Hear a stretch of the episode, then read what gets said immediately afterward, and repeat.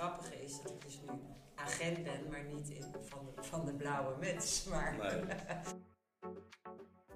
een eh, ruw geslepen diamant zonder ambitie gaat nooit glimmen. Hallo en welkom bij alweer de derde aflevering van seizoen 2 van de JSVU Fluisterende Reuzen podcast. Ik ben Rabiel Youssef en ik zit hier naast Vanessa Henneman. Henneman is manager en CEO van Henneman Agency. Een van de grootste agentschappen voor talent in film, tv, entertainment en cultuur in Nederland. Mensen die interesse hebben in de film- en cultuurwereld zullen ongetwijfeld kennis hebben van het beroep agent. Mevrouw Henneman, juist omdat u niet het standaard rechtenstudent advocatuurpad heeft bewandeld, maar uw eigen pad heeft gekozen, bent u een hele interessante gast om mee in gesprek te gaan. Wij willen met dit gesprek eigenlijk laten zien dat de rechtenstudie niet alleen opgevolgd kan worden tot een beroep in het advocatuur, maar dat er ook heel veel andere mogelijkheden zijn. Ik wil u als eerste bedanken voor uw tijd. Dan gaan we maar beginnen bij, bij het begin. Wilt u uzelf even voorstellen? Ik ben eh, Vanessa Henneman en inderdaad, zoals je me al introduceerde, eh, eh, oprichter van dit bedrijf en zelf manager en agent voor een aantal talenten in de film- en televisie- en theaterindustrie. Want hoe lang doet u dit werk al? Eh 26 jaar. 26 jaar. Ja. ja. Oké. Ehm, u bent begonnen met een rechtenstudie, maar daar bent u na een jaar mee gestopt. Ja. Waarom begon u in eerste instantie met rechten? Ehm, mijn ouders, ik kom uit een eh, creatief gezin. Dus mijn vader is kunstenaar en mijn moeder heeft van alles gedaan: acteren, zingen, modeontwerpster. En ik denk dat het een, eh, een hele klassieke manier was om af te zetten tegen mijn ouders. Dus ik wilde niet de creatieve kant op. Ik zou niet naar de kunstacademie, niet naar de filmacademie, Nee. niet naar de toneelschool. Want dat wilden zij. Dus ik heb ze zwaar teleurgesteld. Ik koos voor het tegenovergestelde. Ja, ja. Voor het saaiste vak. Ja. Ja. Eh, ze vonden dat ook echt jammer, want Ja. ze dachten, maar ga nou toch, ik geloof dat mijn vader wilde dat ik architectuur ging studeren. Dus die rechtenstudie was een, voor hun van, wat, wat hebben wij voor kind dat Ja. ze rechten wil studeren. Er zat ook een kleine gedachte achter dat ik ook zag hoe zij een groot talent hadden, maar dat zakelijk niet altijd handig aanpakten. Dat was allemaal nog wat onderbewuster, maar ik dacht wel... oh, En bedoelt u zakelijk juridisch? ja, dat, is zo, dat weet je denk ik nog niet Nee. als je 18 bent. Maar Nee, ik dacht wel, dit moet zakelijker kunnen. Ja. En er was een televisieserie, die zal jullie denk ik niks zeggen, maar die heet Hill Street Blues.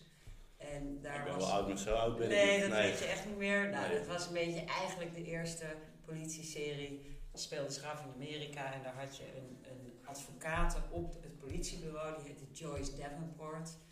En daar identificeerde ik me heel erg mee. En ik dacht later, als ik groot ben, wil ik Joyce Davenport worden. Het grappige is dat ik dus nu agent ben, maar niet in, van, de, van de blauwe muts. Maar, Nee. dus dat, het was, zoals denk ik heel veel mensen, ben ik op mijn 18e recht gaan studeren. Omdat ik dus iets anders wilde dan mijn ouders. En omdat ik het niet wist. Dat was eigenlijk... eh, Dat Dus was toen dacht- ook al. Iedereen die toen- niet wist wat hij moest studeren, koos rechten. Ja, dat nou, dat doen wij nu nog steeds. Ja, of sociologie, of eh, nou, ja. je hebt een paar van dat soort Ja. studies. Ik hou wel van taal. Dat heb ik Mhm. altijd, had ook Nederlands kunnen zijn. En als je met één ding veel bezig bent met rechten, is de taal. Dat vind ik ook nog steeds het, het, het fijne aan de studie. Maar ik heb hem wel, ik heb er één jaar gedaan. Ik heb propeduizen gedaan Ja. en toen ben ik gestopt. En toen heb ik hem veel later, toen ik al werkte en mijn kinderen had af. Daarom vroeg ik me dus al, waarom bent u gestopt na een jaar? Nou, het had met meerdere dingen te maken, omdat mijn hart er niet lag. Ik denk sowieso, als je 18 bent, is, is de relatie tot het recht. eh, denk dat je die pas later doorkrijgt, hoe eigenlijk alles met recht te maken heeft. Ik heb het ook altijd ervaren als een nieuwe taal leren. Er zijn eh, heel veel mensen om me heen die zien een contract en die denken, oh dat snap ik niet. Of de kleine lettertjes. Dus het, het, het, eh, ja, dat, dat interesseerde me heel erg aan. Maar ik, ik, ik dacht na een jaar, dit is niet wat ik wil. En ik ben in Amsterdam opgegroeid, rond de Nieuwmarktbuurt. En de rechtenfaculteit zit in de Oude Mannhuispoort. Was dat toen al bij Routers Island? Nee, nee, nee, het zat Nee. in de de Heeft u gestudeerd aan de. UvA of aan de VU? UvA. UvA. Ja, ja. En ik dacht, ik had een soort high school eh, Amerikaans idee van als je gaat studeren, dan kom je allemaal met gelijkgestemden en dan wordt je wereld heel groot. En mijn wereld werd eigenlijk heel klein. Ja. Want ik hoefde nog minder ver te fietsen naar waar ik moest zijn. En die studie is zo groot, dat eerste jaar, we zaten met 200 man in de aula op, de, op het spuit nog. Ik weet niet of dat nog zo is. Nee. En ik, ja, het was helemaal niet wat ik ervan verwachtte. En toen wilde ik naar het buitenland. Ook omdat mijn ouders echte Amsterdammers waren. En overal waar ik binnenkwam was het, oh je bent de dochter van of het nichtje van. Want mijn tante las toen het journaal voor, die had ook de naam Henneman. Dus ik denk dat ik mezelf moest bewijzen wie ik was zonder, die, zonder dat nestje waar ik uitkwam. En een vriendin van mij deed auditie op de toneelschool in Londen. Ik had niet per se ambitie om actrice te worden. Maar mijn stiefvader was acteur, dus het was niet een vak wat mij vreemd was. En ik heb me een beetje door die audities gebluft. En toen werd ik opeens aangenomen op twee toneelscholen in Londen. Terwijl ik het niet echt wilde en een vriendin van mij wel, die niet werd aangenomen. Dus dat was ook pijnlijk. Vriendschap heeft het overleefd. En toen zat ik opeens, en zo voelde het ook echt, toen zat ik opeens op de toneelschool in Londen. En dat was de Bachelor of Arts, Film en Video? Nee, dat heb ik, dat heb Dat ik daarna gedaan. Ik heb ook één jaar eh, eh, op die toneelschool gezeten. Daar was ik behoorlijk ongelukkig omdat ik iets deed wat ik niet kon. Ik vond het doodeng. Het was een soort, eh, die serie zegt jullie misschien wel iets, Fame. Een serie over een, nou ja, een high school, volgens mij in New York, waar mensen leerden tappen, dansen, zingen, acteren. Dus het was een heel erg extravert eh, jaar waar ik continu te horen kreeg dat ik meer moest lachen en dat ik meer contact moest maken met het publiek.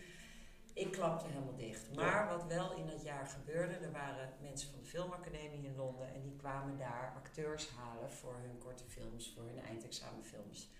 En ik identificeerde me veel meer met die mensen. Ik dacht, ik wil achter de camera, ik wil er niet voor.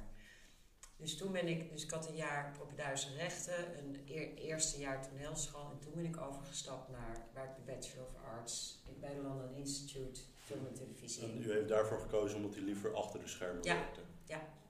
Oké. Ja, ik voelde me comfortabeler. Ik heb de richting regie gedaan en dat, dat lag me veel beter. Ja. Maar waarom heeft u daarna dan weer opnieuw voor rechten gekozen? Nou, dat is, ik kwam na vier jaar studie, dus in totaal vijf jaar in Londen gewoond, kwam ik terug. Ik heb een eindexamenfilm gemaakt. En ik had toen een hele goede vriend, nog steeds een goede vriend van mij, Matthijs van Heiningen junior. Die heeft net Slag om de Schelde gemaakt. Dat was mijn allerbeste vriend in die tijd. En ik dacht, ja, maar jij bent echt een regisseur. Hij had een bepaald talent, of een bepaalde manier naar verhalen kijken. Ik, ik kwam erachter, dat getuige ook wel de keuze voor die rechtenstudie. Ik hou van taal. Ja. En ik hou heel erg van beeld, maar dat weet ik niet of ik dat zelf kan creëren. En ik voorzag een soort toekomst. Allemaal nu terugkijkend, want het was gewoon een crisis toen ik een jaar 24 was. Ik had drie studies waarvan ik er twee niet had afgemaakt, eentje wel. En ik zou weer niet gaan doen wat ik had gestudeerd. Want ik voorzag een soort, straks ben ik 40 en dan heb ik misschien een leuke bedrijfsfilm geregisseerd en misschien een aflevering van een andere vage serie. Maar mijn ambitie is veel groter dan het talent wat ik heb. Dat zeg ik nu heel bewust, dat was toen heel intuïtief. Ik moet dit niet gaan doen, ik ga dit niet redden. En ook omdat ik mezelf vergeleek met mijn vriend Matthijs, waar inderdaad gebleken is dat hij eh, grote hoogte zou bereiken. En toen wist ik het eigenlijk niet. En dat was e- echt best een, een existentiële crisis op mijn 24ste. En toen werd ik eh, heel verliefd op een acteur, Daniel Bosven, nog steeds mijn man. En ik dacht, nou, ik ga gewoon eh, jou, ik ga jou helpen. Ik weet hoe die filmwereld, eh, hoe, die- hoe, je films maakt. Jij bent net afgestudeerd te- acteur. Zijn carrière heeft ontzettend een snelle vlucht genomen vanaf dat hij afstudeerde. En hij had iemand nodig die zijn zaken deed. En dat ben ik voor hem gaan doen. En ik dacht, ik kan wel een beetje, ik, ik weet wel een beetje hoe contracten werken van dat ene jaar rechten. Ehm, maar ik merkte wel snel, als ik dan voor hem onderhandel, of anderen, want er kwamen heel snel vrienden van hem, regisseurs, acteurs, die ook allemaal dat eh daar tegenaan liepen, die aan mij vroegen, wil jij mij helpen met mijn contracten en onderhandeling? En ik merkte dat ik, als ik dan met een jurist van, nou, we een groot bedrijf als Endemol noemen, dat ik, als, als die jurist dan zei, ja, maar zo werkt het niet, of zo zit het niet, of zo gaat dat niet, dat ik dacht, is dat nou tactiek of is het echt zo? Ik wil gewoon weten hoe het zit, ik ga die studie afmaken. Dus toen had ik al een baan, ik had mijn eigen winkeltje met, waar ik mijn man vertegenwoordigde, plus nog Ja. vijf anderen. En twee kinderen en die studie. Ik weet nu niet meer hoe ik het heb gedaan, maar ik herinner het me ook niet als per se Ik heb begrepen dat het een deeltijdstudie was. Ja, het was een Ja. deeltijdstudie, dus ik heb hem volgens mij nog een jaar of zes of zo heb ik toen over die Ja. drie jaar die nog open stonden tot mijn master heb ik Mhm. afgemaakt. Oké, en waarom heeft u dan gekozen voor rechten in Nederland en niet in Engeland? Omdat ik twee kinderen had en een man die hier werkte. Was Oké, heel simpel. Ja, heel en simpel. die, ja, ja, ja. Ja, en ik weet ook, ik was ook na vijf jaar Londen studeren, had ik wel. Amsterdam is een behoorlijk aangename stad om te wonen. En Londen was dat ook. Maar vooral als je niet zoveel geld hebt, is het een hele harde stad om in te overleven. Het is niet zoals in Amsterdam dat je even op je fiets stapt en bij vrienden langs. Ik heb letterlijk meegemaakt dat iemand zei eh, in Londen: Kom bij me eten. Ja, maar ik heb geen geld. Dan kom je er niet. Ja. Geen geld voor de metro, geen geld voor een taxi. Lopen is 2,5 uur. Hier Dus, stappen eh, we gewoon op de fiets. Hier staan we op de fiets. Ja, Ja. het is een, een aangename stad. En, eh, en ik was na vijf jaar ook wel... Want dat is het voordeel en het nadeel als je in het buitenland studeert. Je komt op een gegeven moment dat je je niet meer ergens thuis voelt of overal thuis voelt. Dus als het dan hier even, weet ik veel, drie weken regende en niet zo leuk was, dan dacht ik ook, ik wil weer terug naar Londen. Dus ik dacht, ik moet gewoon een keuze maken. Maar het was eigenlijk omdat ik de kinderen had en, en mijn man hier werkte en niet in de US of in de UK. Dus dat, dat was, het was ook eigenlijk nooit een beslissing. Het was heel eh, evident. Nou, vertelde dus net dat u in zowel Amsterdam als Londen heeft gestudeerd. Welke stad vond u het leukst als u mag kiezen? Oh, dat vind ik echt een gewetensvraag. Kijk, toen ik in Londen studeerde was het de laatste jaren van Margaret Thatcher aan het roer. Dat waren best harde, het, het, wat ik zeg, het was een dure stad, het was een harde stad, stad maar het was ook de opkomst van de house. Ik heb dat, en dat gebeurde in Londen, dus ik heb wel ja, dat echt helemaal. Ik zat midden in die golf en, en hier kwam een beetje net, net de Roxy op. Dus dat, dat ik dacht, Dan ja, spreken we over eind jaren 90. Ja, Ja. ja. Of begin jaren 90. Begin jaren sorry. 90, precies. Ja, het was fantastisch, maar het was. Het, het, het, hier, ik weet nog dat mensen, dat, dat studenten hier klaagden dat hun studiefinanciering gekort werd en dat ze een OV-kaart kregen. Dan kon je als student het hele land. In Londen kreeg je niks. Daar kennen ze geen studiefinanciering. Ook geen OV-kaart. Nee, je had beurzen en daar moest je echt heel erg je best voor doen. En daar werd je dan af en toe ingelood. Maar, maar de, de, het comfort van studenten in Nederland, bij vergelijking met studenten in Londen. En ik weet nog dat ik echt dacht, en dan ook nog klagen. nou, het is gewoon een behoorlijk aangenaam land om Ja. te wonen. En, en, en Engeland was dat, ja, was gewoon veel harder. Maar ook te gek om in zo'n grote stad te wonen. Ja. Ik vond het fantastisch. Ik had het nooit willen missen. En ik denk dat ook mijn doel van ik wil weten wie ik ben en wat ik kan zonder, dat, zonder die stepping stone van mijn ouders. Dat is in Londen wel gebeurd. Londen heeft u wel gevormd. Ja, niemand kende. Als Nee. ik daar mijn naam noemde, had niemand zoiets, oh, de dochter van of, de, of het nichtje van. Of, dus het heeft me wel. Mensen daar konden uw naam niet eens uitspreken. Henneman werd het dan. eh, Ja, dat, dat, dat is wel zo'n naam die iedereen wel een beetje kan. Ja, Vanessa is uit. Ik ben Vanessa wel. vernoemd naar Vanessa Redgrave, een, een Engelse actrice. Maar ja, het, het, het, het was een fantastische tijd en het heeft mij wel geleerd dat ik nu in het leven sta. Zet mij waar dan ook neer. Ik, ik kom er wel. Ja. Ook even helemaal niemand kennen. Nee. Op feestjes komen en niemand kennen en denk, ja, maar het alternatief is met een boek in mijn kleine kamertje ergens drie oog achter liggen. Ik sleepte mezelf dan naar dat soort dingen toe. En dan ja, moet je contact leggen. En ik denk dat ik van nature een introvert... Het gaat, hè, sommige mensen Ja, gaat dat ja. heel makkelijk af. Maar ik, ik, ben- ik oog ex, eh, extravert, maar ik denk dat ik oplaad in mijn eentje thuis. Dus ja, dat heeft me wel gevormd. Ja. Ik zou denk ik ook iedereen aanraden om het een tijd te doen. ja. Mijn beste vriend studeert ook in, eh, in de UK. Ja, En die, eh, die heeft het ook naar zijn zin. En die, die Ja. vindt inderdaad ook wat u zegt. Dat hij daar helemaal niemand kent. En dat hij daar echt zichzelf moet, Precies. opnieuw moet vinden. Ja, je leert jezelf kennen, je leert over je eventuele verlegenheid, Ja. die ik heel erg had toen. En, ehm, en het is fantastisch om in zo'n wereldstad te... Ik vind Londen nu, want ik ben er vaak voor werk, wel vrijer en, en losser en internationaler dan, dan het toen was. Ja. Het was toen je, er was één bar in, in Fleet Street in Soho waar je espresso kon drinken. Voor de rest moest je gewoon nog een pub met van En nu kun je overal espresso's drinken. ja, nee, het is echt Ja. onvoorstelbaar. Ja. Het was toen, en pubs mocht je niet in als je tot je 15 of zo. Het was heel, heel erg klassenmaatschappij. Het was echt die laatste jaren. En dat voel ik, als ik nu in Londen ben, ik vind het echt een bruisende stad. Ik vind het echt heerlijk. Hoe, wat vond u van uw studententijd? U Ja, heeft het net al een beetje verteld Ja, maar... ja, die studententijd met rechten heb ik niet echt gehad, omdat dat eerste jaar, het is zo groot. Ik bleef eigenlijk met mijn oude vrienden omgaan. Want ik Woonde u ook thuis het eerste jaar? Bij Ja, ik ouders? woonde ook thuis, Ja, dus echt tegenover de faculteit. Ik hield mijn vrienden van het Montessori Lyceum, waar ik eh, op de middelbare school zat.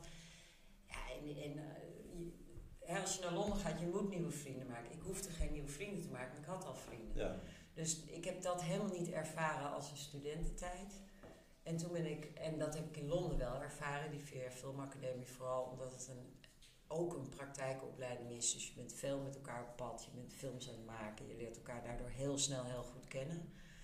En toen ik terugkwam en mijn rechtenstudie heb afgemaakt, toen was ik al, ik geloof dat ik begonnen ben toen ik 29, 30 was. Ik ging naar college of naar werkgroepen en meteen naar huis. En ik had gewoon twee kinderen. Dus daar heb ik nul. Nee. En, en ik was een stuk ouder dan de rest van de studenten. Dus ik connect, ik, ik voelde me echt zo'n mevrouw. dan eh, zit u niet door de week te zuipen. Zoals Nee, wij, nee, nee. Nee, Nee, nee. ik heb echt. eh, ik heb uh, één andere student die, die ook ouder was, daar ging ik nog wel eens een biertje mee drinken. Ja. Maar daar hield het mee op. Dan gaan we nu door naar de juridische vragen. Normaal gesproken gaan we altijd in op bepaalde zaken waarin u heeft gepleit. Maar u bent nu u bent natuurlijk geen advocaat, dus dat, dat kan dus niet. Maar wat mij dan interessant lijkt is om te kijken hoe de rechtenstudie terugkomt in uw werk. Hoe kwam u achter het bestaan van het beroep agent? Ja, goede vraag. Ik heb wel ooit een boek gelezen van Michael Ovich. Dat is, eh, nou, ik denk dat je wel kan zeggen, de grootste agent van de wereld. Eh, oprichter van CAA. En hij inspireerde mij enorm. Wat ik heel leuk vind aan de entertainment, film, televisieindustrie, is dat het over, over iets authentieks gaat, of iets kunstzinnigs of, of kunst of entertainment, hoe je het ook wil noemen, maar dat het ook heel erg veel geld kost. Dus de kunst ontmoet altijd de industrie. Want je kan het niet maken zonder dat vele geld. Als je een schilderij maakt of een boek schrijft, het, het, het proces van dat creëren is relatief goedkoop. Je hebt kwasten nodig, verf.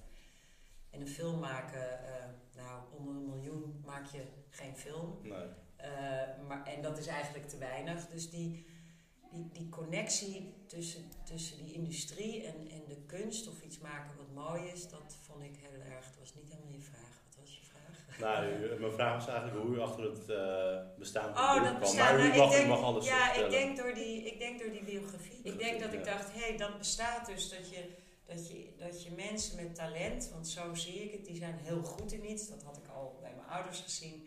Maar dat zakelijke stukje vinden ze of niet leuk, of ze zijn er niet goed in, of ze willen het te graag, waardoor ze heel erg slechte afspraken voor zichzelf maken. En ik denk dat ik in die biografie dacht, hé, hey, er zijn dus mensen die zitten daartussen, die beschermen dat talent, maar die zorgen ook dat dat talent groeit en, en zorgen dat het goed geregeld is. Ik denk dat dat door dat boek komt. Maar misschien heb ik ook wel eens een film gezien, die film met Tom Cruise, waar die Show Me the Money, dat was al veel later. Toen was ik al agent. Dus daar, daar komt het niet vandaan. En ik zag mezelf altijd wel iets doen in de creatieve industrie aan de zakelijke kant. Wel. Ja. U heeft nooit gedacht ehm, dat u een keer een rol wil hebben voor de schermen. Of voor de nee, camera, nee, sorry, nee, voor nee, de nee, camera. nee, nee, ja. nee, dat was echt genezen na de Nee. jaren. Nee, helemaal niet. Ook geen kleine nee, eh, nee, nee. Kunt u me een kleine weergave geven van hoe het recht terugkomt in uw werk? Nou, in het begin heel erg. Wel, op eh, eh, een heel nauw, want dat vond ik leuk aan die studie. Kijk, toen ik, toen ik Poppenduizen wist ik het allemaal nog niet. Maar toen ik eenmaal al werkte en mijn master heb opgepakt, toen wist ik, ik ga die creatieve industrie in. Dus ik wil eigenlijk alleen maar eh, intellectueel eigendom, arbeidsrecht en overeenkomstenrecht. Dat, daar, dat zijn de dingen waar ik wat aan heb. Ja. Ondertussen vond ik strafrecht fantastisch. Ik bedoel, over taal gesproken en over. eh, eh, ja, het, het was voor mij ook heel erg ethiek. En ik vond het ontzettend interessant.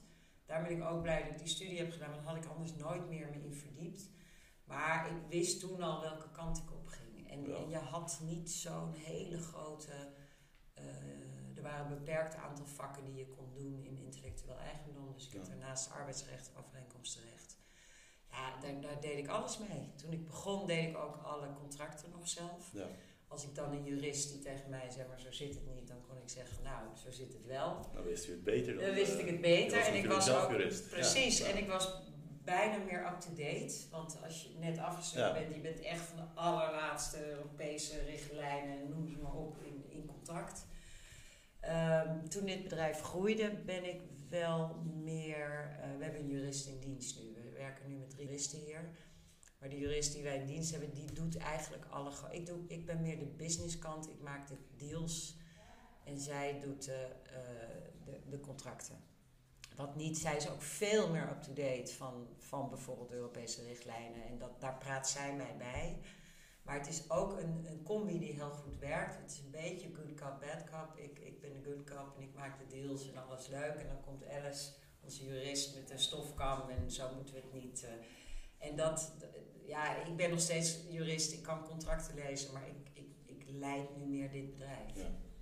Dus ik ben zelf niet meer heel erg eh, met mijn neus in de, in de boeken Nee. of in de. Maar goed, dat is de laatste tien jaar. Hè? Ja, dat eh, tot, tot zeker. Je bent eh, begonnen in 2004 ja, met dit bedrijf. ja, klopt. Vijf, weet het niet meer precies. Vijf, dacht ik. Ja. Oké, nou. ja. Ehm, het zou dus zo zijn dat rechten de beste studie is voor het beroep van agent. Zou je me kunnen uitleggen waarom dat het geval is? Als u dat ook denkt. Ja, natuurlijk. ik weet niet eens of dat waar is. Ik denk Nee. dat, dat je ehm, analytisch moet kunnen denken. Maar een studie psychologie, ehm, hè, dat, het is ook namelijk een heel groot deel. Hoe ga je met Ja. mensen om? En waarom komen deals? Deals komen bijna nooit niet tot stand omdat er niet genoeg geld is. Er zit altijd iets achter. Dus je moet Ja. heel erg wat willen. Als twee partijen het alle twee willen, dan kom je er wel uit. Dus ik, ik, het kan. We hebben, we hebben een aantal agenten. Nou, we hebben nu één agent-assistent, die is jurist. En de rest eh, komt uit hele verschillende geschiedenis, psychologie, geen Ik zat te denken aan communicatieve studies of eh Kan ook. event management studies, dat soort dingen. Dat dat misschien ook eh bij Ja, maar ik heb hier ook wel eens iemand als agent en die was behoorlijk goed. En die had, haar opleiding was schilderij restaureren. Ja. Kan Oh, allemaal. dat is heel wat anders. Ja. Ja. ja. Nee, dus het, het, ik zou helemaal niet zeggen, als je agent wil worden of manager, moet je rechten studeren. Ik denk wel dat het handig is als je snapt hoe contracten in elkaar zitten. Maar dan zou je ook een cursus kunnen doen. Maar je moet vooral begrijpen hoe mensen in elkaar zitten. Ja. Eh, Ons werk gaat over relaties. Dus het gaat meer om het communiceren met mensen. Ja, Ja, ja. oké. Ja, en het mediaten. Kijk, een, een advocaat, wat, wat me overigens ook heel erg eh, leuk vak lijkt nog steeds, omdat het over taal gaat, omdat het over argumenteren gaat. Het lijkt me heel leuk om te pleiten. Ik heb daar in, in vroegere films, dat was misschien ook een Dat is wel heel politiek correct, denk ik. eh, omdat wij zelf juristen in de opleiding zijn. Nee. Nee, nee, nee, nee, maar het is, een, Ja, het is ja. in, in de films die je ziet, Ja. is pleiten altijd. Ik hield enorm van Ik denk, ik denk dat het leuker is in de films. Toch? Ja, nee, dat zal zeker Dat zo weet ik zijn. wel zeker. Ja. Ja. Hoewel ik toch een keer, ik heb een goede vriend, een van mijn beste vrienden is eh, advocaat. Ja. En ik ga wel eens met hem mee en dan ben ik zo super trots op hem. Als ik daar hem in die rechtbank denk ik, wauw. En ik denk, Dat ik vind ik ook altijd dat hij Ja. wint. Ik denk, moet je horen. Het zijn toch perfecte argumenten. Maar ik, eh, ik ben eh, heel erg, dit past mij beter. ja. Ik vind het, eh, het runnen van een bedrijf ook heel erg leuk. Ik ben meer ondernemer dan eh, jurist, denk Ja. ik. Je kunt ook beide zijn. Dat Zeker, ook, dat dus, ben ik eh, ook, ja. ja, ja. Agencies behartigen de belangen van talenten. In hoeverre komt de rechtenstudie van pas in dit aspect van uw werk? Ehm, nou ja, wat ik zei, het, eh, het, het heeft me geholpen analytisch te denken. Het heeft me geholpen dat, je, dat er altijd twee kanten van een verhaal zijn. Want in een onderhandeling zijn er ook altijd twee kanten van een verhaal. Ook al gaat die onderhandeling helemaal niet over iets juridisch.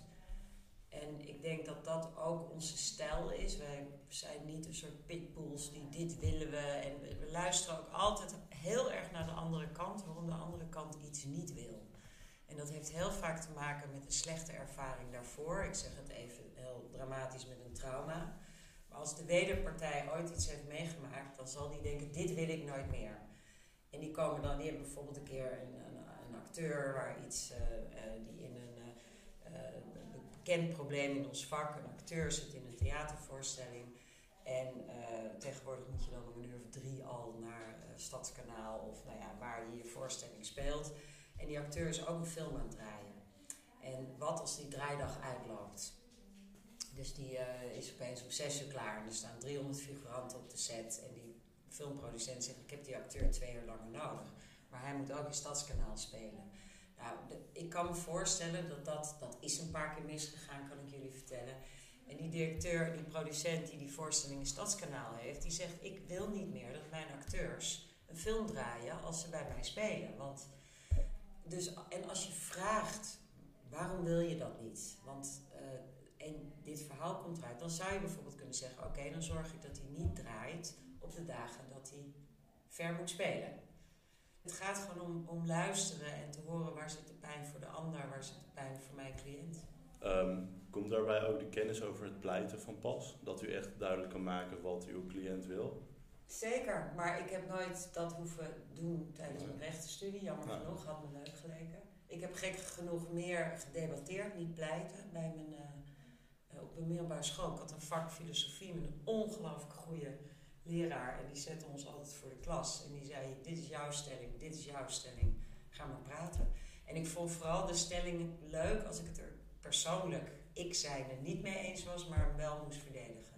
Dat vond, daar heb ik heel veel van geleerd. Maar dat komt van mijn vak filosofie op de middelbare school. En niet... Uh, we hebben. Nee, ik kan me niet herinneren dat dat in die tijd hoefde. Moesten jullie dat doen?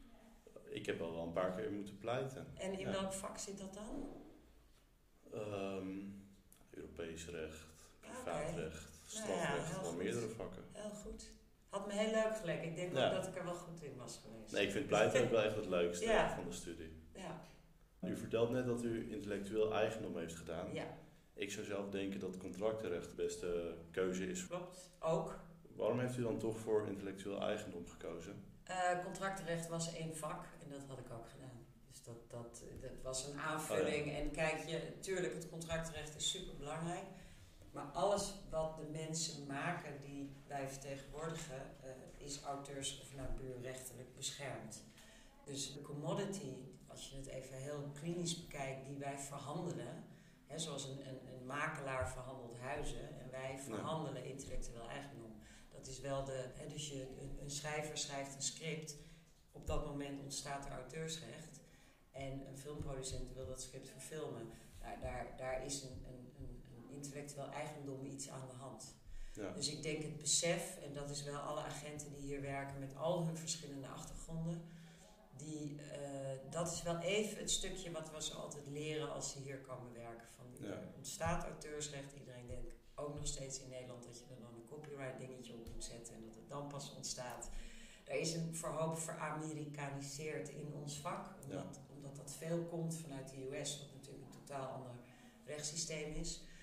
Um, en uiteindelijk handelen wij in, in intellectueel eigendom. En de hele industrie vaart op wat je in vaktermen noemt IP, intellectual property. Dat is waar, uh, uh, waar iedereen op uit is, dat is wat wat waard is. Dat is als je met een project bij een streamer als Netflix of Amazon komt, dan wat is het onderliggende IP? En meestal komt dat door een van onze mensen die dat hebben gecreëerd.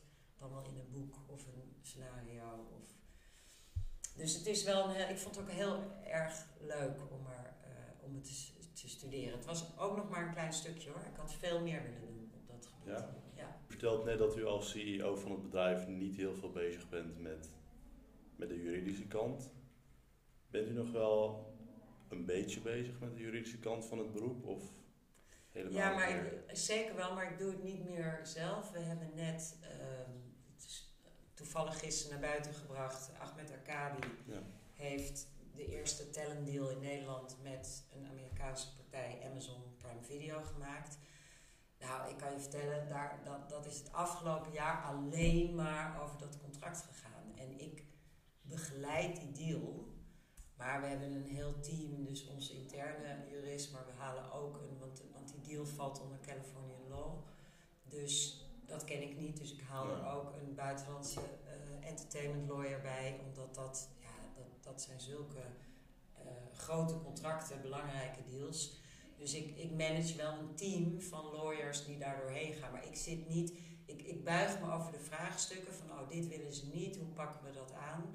Maar ik zit niet meer, wat, wat ik tot, tot 15 jaar geleden wel deed, echt met, met contracten. Nou ja, dat was vroeger allemaal print.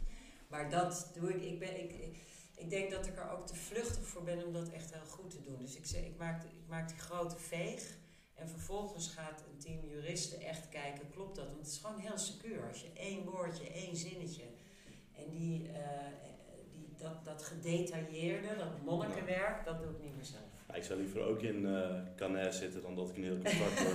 dus, uh, dat snap ik u wel. Ja, snap ik.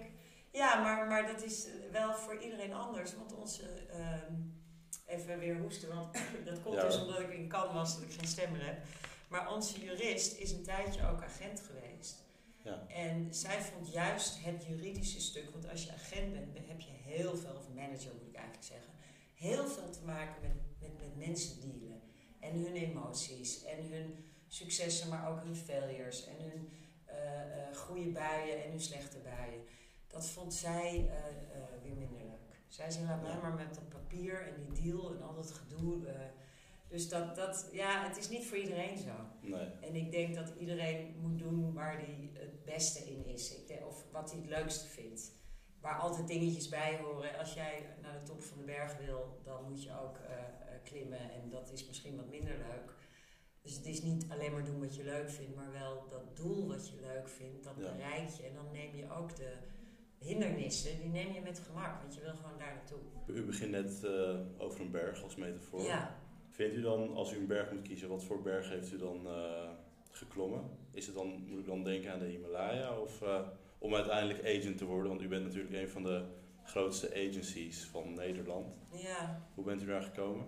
Nou, ik wilde wel de beste agent van Nederland slash de Benelux worden. En uh, ik weet niet hoe hoog die berg is. Ik bedoel, we zijn maar... dat is maar een heel klein territorium. Maar ik denk dat we met een paar andere collega's...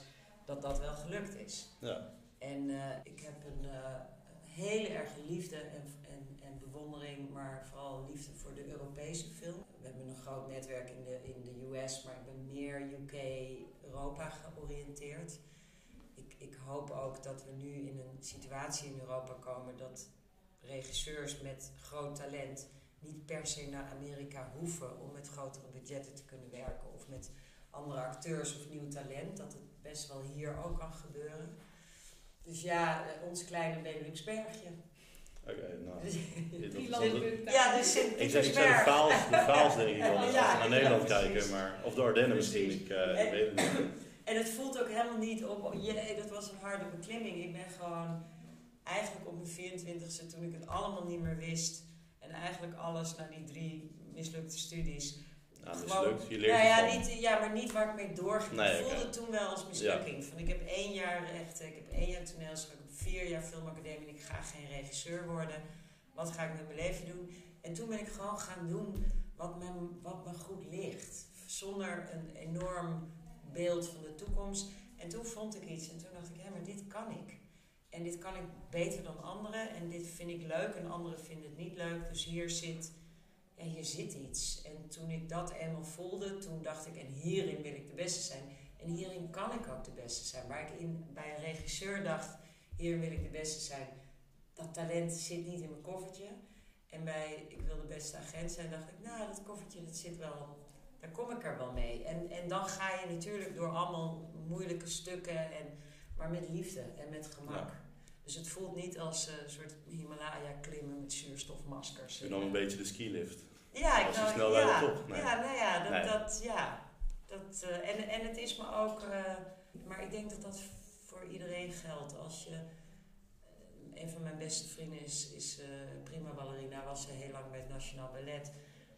Die heeft zo verschrikkelijk hard gewerkt en, en bloed, zweet en tranen. Maar als je iets heel graag wil, dan is dat wat je wil. Ja. Dus het Ja. voelt niet die, die, die gekneusde enkel of die, je doet het omdat je die top wil bereiken.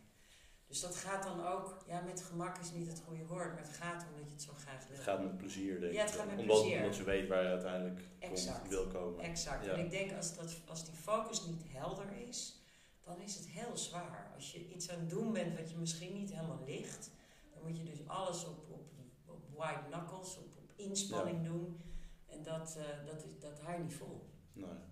Weet u hoeveel agencies er zijn in Nederland? Veel. Eh, ik denk dat wij met een stuk of ehm, tien intensief contact hebben. Waarvan ik zei dat zijn de serieuze. Kijk, je hebt een hoop agencies. Dat zijn de agencies die een beetje het niveau hebben van Henneman Agency, de grotere agencies. Ja, maar heel, heel onvergelijkbaar. Er is een, Nee. een grote agency, maar die richten zich heel erg op de, op de entertainment musical kant. Je hebt een, veel agencies die alleen acteurs doen. Wij, wij doen samen met één, twee andere agencies eh, ook makers. Het is echt een andere opzet van Makers, bedrijf. als in Eh, content creators, Ja, precies. Ja. ja. Daarin zijn we denk ik met drie, vier anderen. Maar je hebt ook, bijvoorbeeld in België, heb je veel persmensen of eh, casting directors die het erbij doen voor een paar talenten. Ja, tel je die dan ook mee? Ja, ze, ze, ze doen agencywerk, maar ze hebben niet een, een agentschap zoals Nou, dit bedrijf. Ik denk dat wij, eh, nou, wat ik al zei, een stuk of tien in Nederland. ik weet niet of u het mag vertellen of hoe dat eh, zit met, het, eh, met de privacy, maar wat, wat zijn nou de grootste cliënten die u, die u vertegenwoordigt?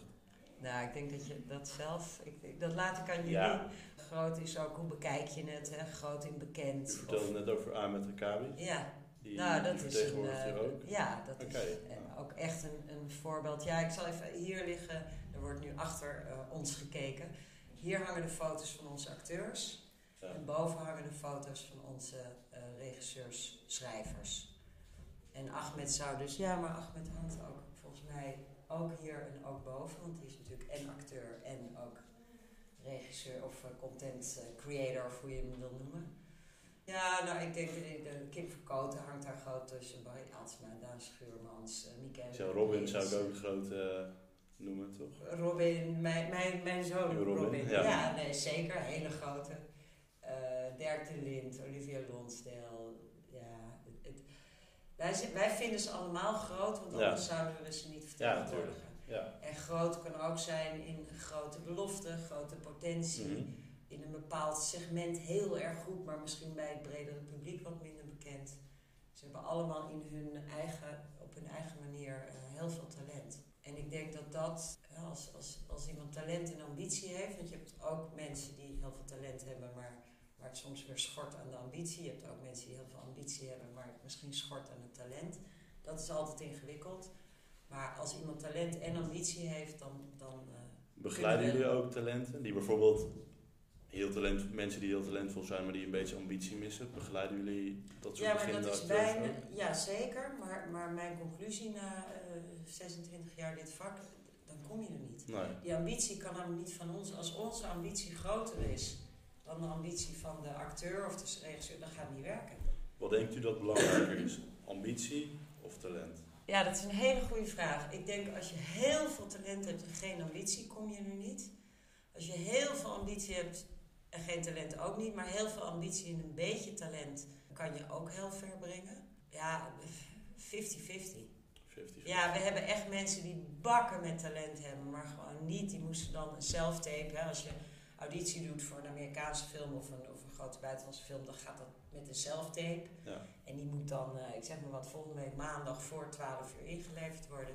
Ja, als die er niet is, dan worden wij gek, want wij creëren die opportunity. We hebben voet tussen de deur. Je mag auditie doen. Hoezo? Ja, een Ja. feestje, laat geworden. Ja, I don't care. Weet je Nee, wel? Dat, of eh, die ons tapes insturen en dan zeggen, ja, het is niet zo goed, maar ik had het heel druk. Ja, Daar en kan dan er niks mee En dan sturen wij hem ook gewoon niet in. Want het straalt ook op ons af als, Ja. als de kwaliteit laag is. Dus dan, ja, dan...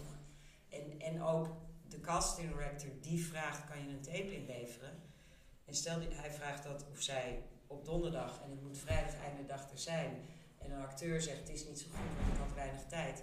Die Je kan niet even geen Nee, tijd hebben. En die director weet dat je weinig Ja, tijd had, ja. want die heeft het donderdag pas We hebben allemaal weinig tijd. Ja. Maar je moet Dus daar zijn wij snoei. We hebben een één agent bij ons werken. En zij is Amerikaans. En zij zegt altijd ambition up. Zij wordt gek van... Want zij is verschrikkelijk ambitieus. Zij wil scoren. En als dan ja, de bal met wie je uiteindelijk moet scoren opeens eh, stil blijft liggen. Dus nee, die ambitie is super belangrijk. En dat talent... Kijk, je, je moet Dan dat is het toch niet 50-50 denk ik. Nee, Eh, misschien niet. Maar dat, dat talent, ik wou zeggen, dat kan je ontwikkelen, maar dat is niet helemaal waar. Je moet het wel in je hebben. Maar we hebben ook eh, ruwe diamanten gezien waar het nog een beetje all over the place was. Of waar die een beetje geslepen moeten worden. Ja. En dan, eh, ja, en als die ambitie er dan is, dan, dan kom je daar wel met z'n tweeën. Maar een, een uh, ruw geslepen diamant zonder ambitie, die gaat nooit glimmen. Wij sluiten elke podcast af met een terugkomende vraag.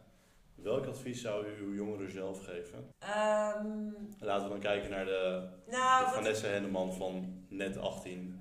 Nou, in retrospectief denk ik dat ik het eigenlijk best goed gedaan heb. Want, want nu die drie studies, die komen eigenlijk allemaal van pas. Ook dat ene jaar toneelschool, hoe verschrikkelijk het was.